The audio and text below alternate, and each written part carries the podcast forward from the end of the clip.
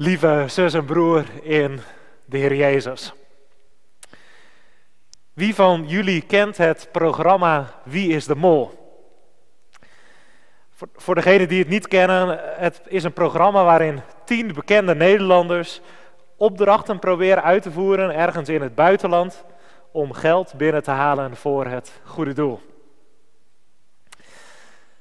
Een aantal jaren geleden deed politieagenten Ellie Lust mee aan het programma. En bij een van de opdrachten irriteerde ze zich echt mateloos. Wat was er aan de hand? Alle deelnemers die hadden een portofoon gekregen. En moesten via die portofoon communiceren over wat ze om zich heen zagen.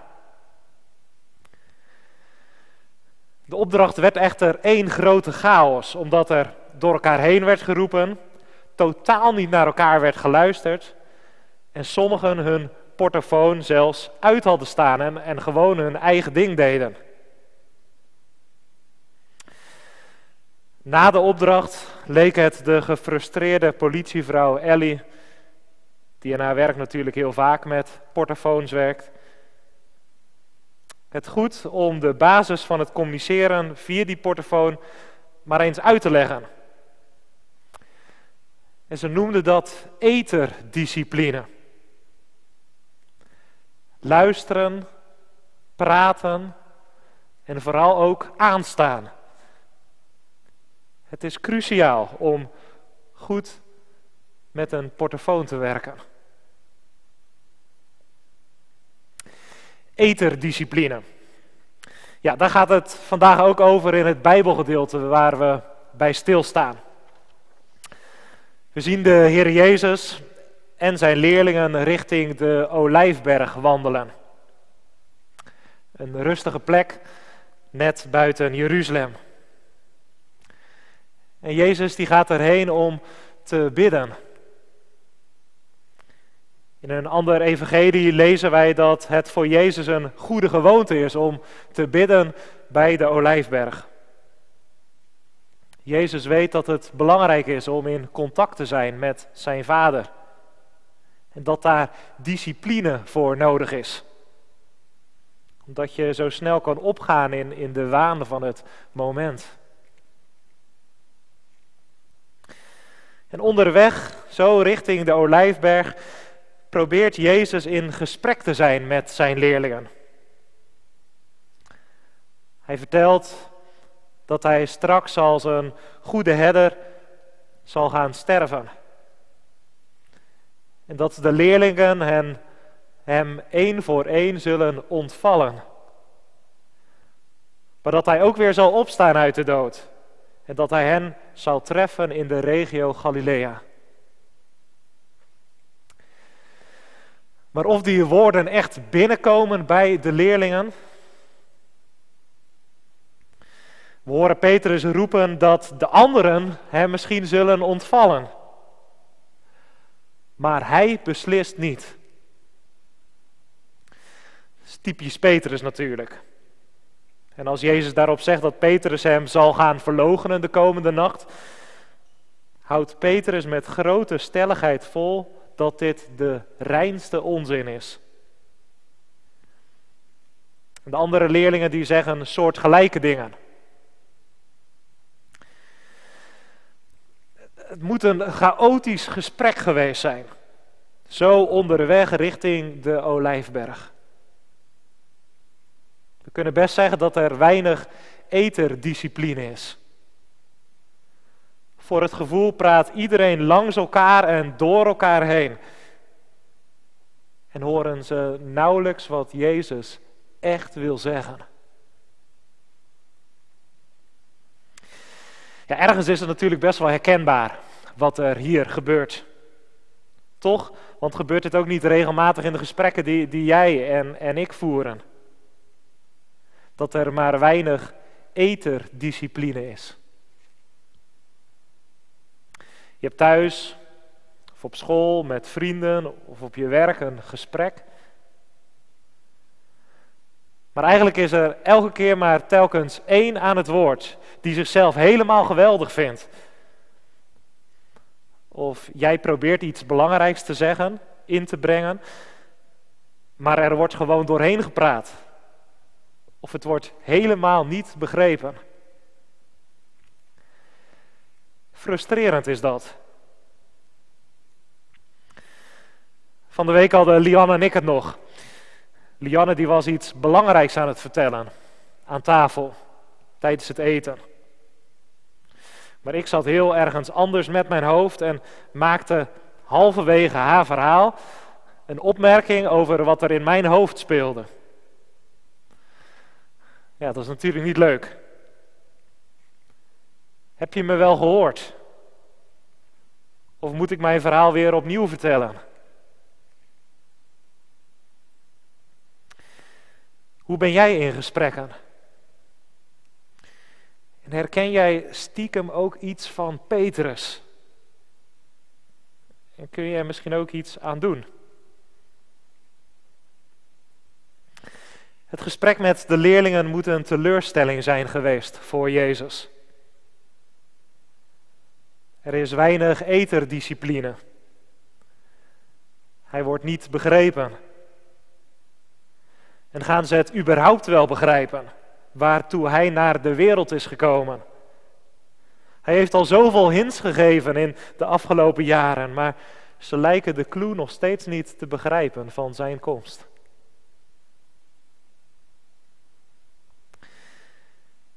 Na een stukje lopen stopt Jezus bij de hof van Gethsemane. Het is de plek onderaan de olijfberg. Het is de plek waar de olijfpers staat. Dat betekent Gethsemane ook, olijfpers.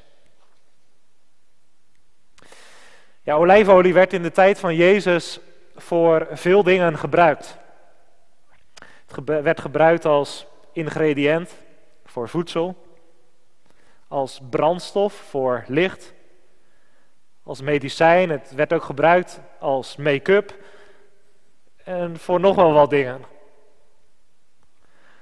Maar voordat het olie was en gebruikt kon worden, moest het natuurlijk wel eerst geperst worden. Zonder persen geen olie.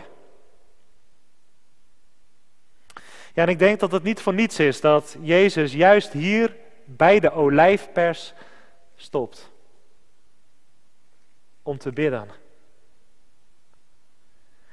Jezus zal straks namelijk ook aan het kruis, als het ware als een olijf, gepest worden.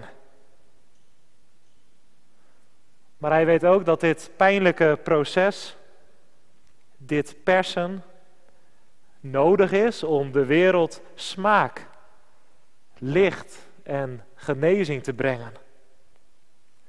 Alleen Hij kan dat. Dat maakt het noodzakelijk. Ja, die naam Gethsemane gaat over het proces waar Hij nu in zit. En bij de hof aangekomen vraagt Jezus aan een deel van de leerlingen om te gaan zitten. En aan zijn drie goede vrienden, Petrus, Johannes en Jacobus, vraagt Jezus of zij mee willen gaan, even verderop, naar die plek waar hij gaat bidden. Ja, wat is het mooi als er vrienden zijn. Als je door een moeilijk proces heen gaat. En het is helemaal mooi als je ook vrienden hebt die met je mee willen gaan in gebed. Als Jezus met hen samen is, breekt er iets bij hem. Hij deelt met de drie dat hij dodelijk bedroefd is. Jezus is zichtbaar onrustig en bang. En daarom vraagt hij aan zijn beste vrienden: willen jullie alstublieft waken? Als ik verderop ga bidden.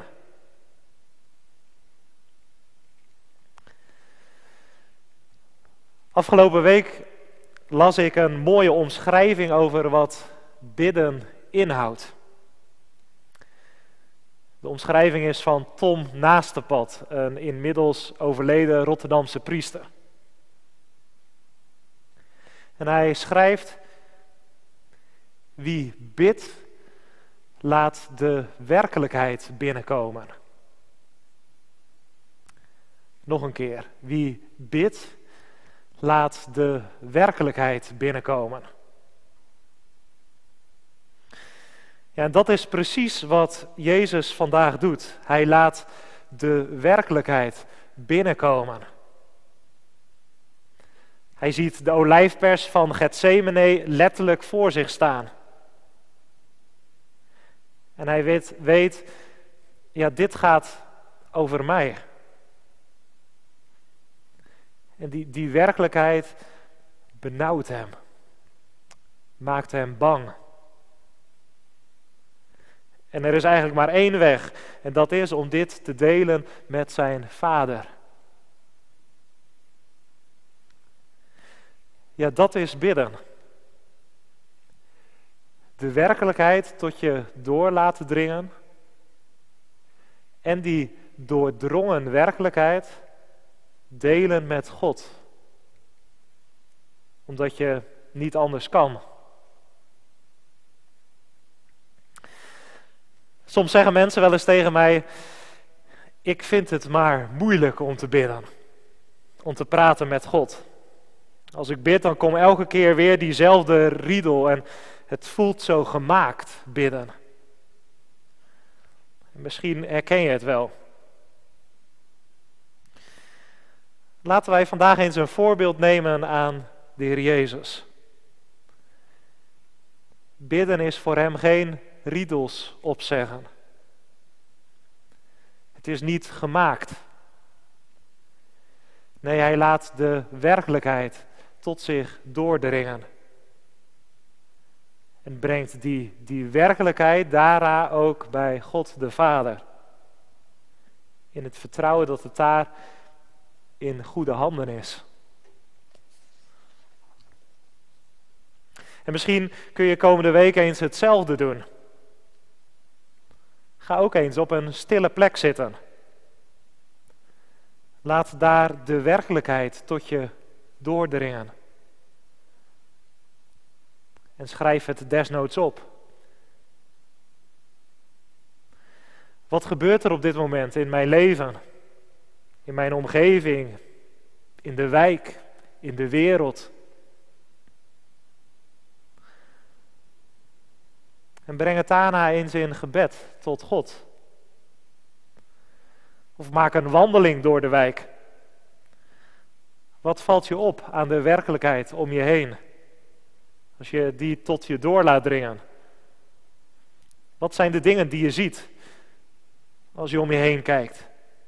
Welke dingen maken je blij en welke dingen maken je verdrietig? Jezus bidt vandaag, papa, vader, ja alles is mogelijk voor u. Maar draag die moeilijke beker alleen van mij weg. Maar het draait niet om mijn wil. Uw wil moet gebeuren. U weet wat het beste is voor mij. Het is een eerlijk gebed van Jezus wat hij daar bidt in Gethsemane. Want zo is het ook, ook als wij bidden. Wij kunnen dingen bij God neerleggen, de werkelijkheid aan zijn voeten leggen of in zijn handen leggen. Die werkelijkheid die, die ons aan het hart gaat. Wij kunnen God dingen vragen. Maar Hij weet wat het beste is voor ons. Tegelijkertijd kan het ook best wel moeilijk zijn en dubbel die woorden. Het draait niet om mijn wil, maar u weet wat het beste is. want je zou maar bidden om genezing, maar niet beter worden. Was het dan niet de wil van God dat ik niet beter zou worden? Of je zou maar bidden om werk. En al een hele stapel sollicitatiebrieven de deur uit hebben gedaan in het afgelopen jaar. Maar je bent een jaar verder en je bent nog nergens aangenomen. Was het dan niet Gods wil dat ik werk zou vinden? Zo zijn er natuurlijk nog veel meer voorbeelden. Het is dubbel. Is lastig, vind je ook niet? Ik vind van wel. Misschien is het goed om vandaag gewoon maar eenvoudig te kijken wat er in ons gedeelte gebeurt. En niet te veel te gaan theologiseren. In Gethsemane, ook in jouw persoonlijke Gethsemane, zien wij vandaag een leidende Jezus. Je bent blijkbaar niet alleen als je leven als een Gethsemane voelt. Er is iemand die meeleidt. En dat is toch wel een bemoediging. De Zoon van God is tegenwoordig in het lijden. Ook in jouw lijden. En hij geeft niet op. Hij gaat diep. Probeer je dat eens voor te stellen. Als je er niet uitkomt wat Gods wil is in jouw lijden. Als je door een moeilijke periode heen gaat, waar God niet lijkt in te grijpen. Probeer dan eens te kijken naar die leidende Jezus in Gethsemane. Ja, hij is in ieder geval tegenwoordig. Na een uur worstelen en bidden komt Jezus terug bij zijn drie vrienden. Die hij had gevraagd om hem in de gaten te houden, er te zijn. Ze zullen vast nog wel wakker zijn, betrokken op zijn lijden. Straks een arm om hem heen slaan. Hé, hey, we hebben je gezien.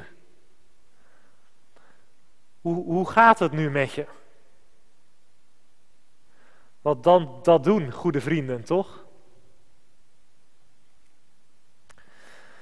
Maar wat een domper.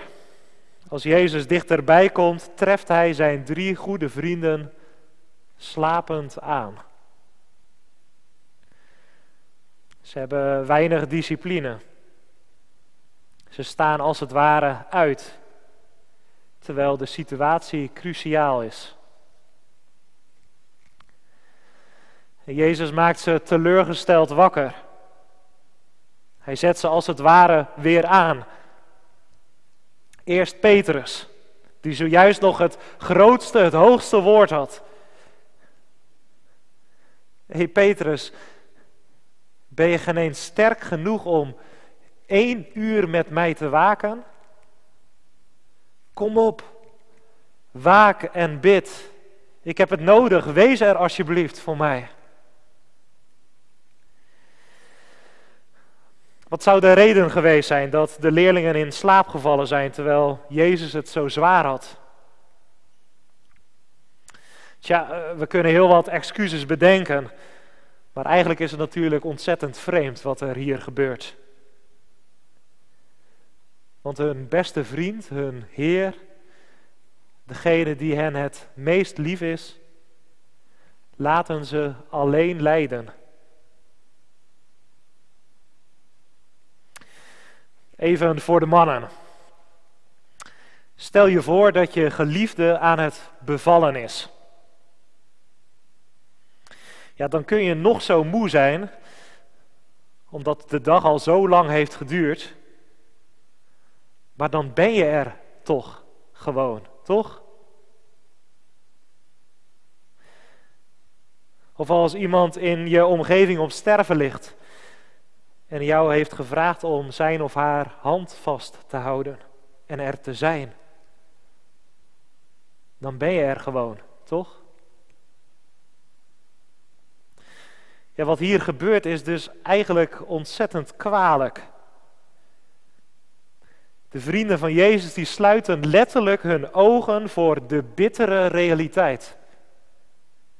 Ze slapen door de ellende van hun vriend heen. Maar Jezus die maakt hen dus wakker. Hij zet hen weer aan. Ja, wat een bijzondere vriend is Jezus. Jezus die is nog niet klaar met ze. Ze mogen het opnieuw gaan proberen, het waken. Er zijn voor Jezus. Jezus zegt tegen hen, ja, ik snap het wel, de geest is gewillig, maar het lichaam is zwak. Je kunt soms wel iets goeds willen, maar iets anders in jou ja, stribbelt tegen. Maar wees daar alert op. Wees waakzaam en bid. Wees betrokken op mijn lijden. Op de werkelijkheid sluit je ogen er niet voor. Slaap er niet doorheen. En breng het bij God. Blijf alsjeblieft aanstaan.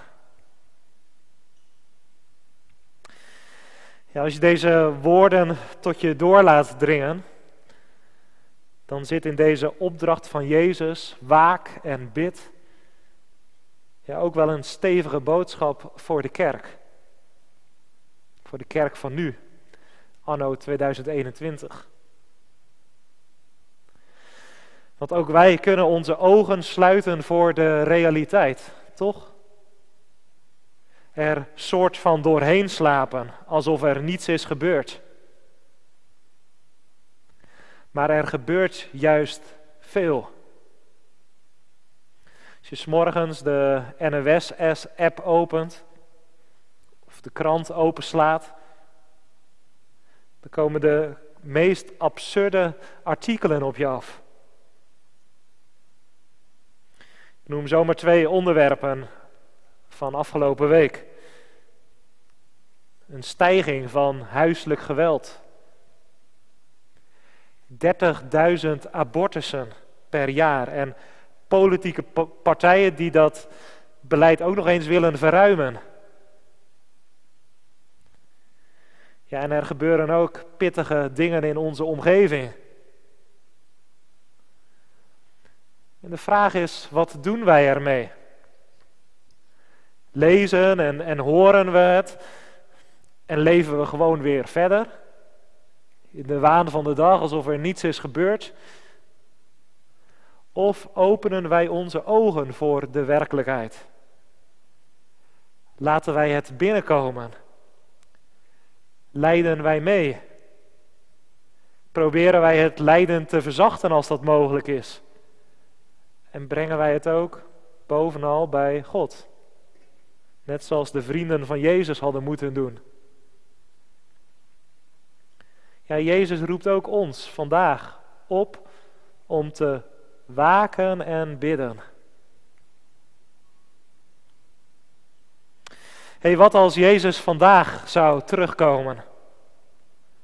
Hoe treft Hij jou en mij? Hoe treft Hij de kerk dan aan? Is jouw leven te typeren als waken en bidden? Of ben jij vooral aan het slapen? En hoe zou jij de kerk in Nederland omschrijven? En onze gemeente in de Oude Kerk?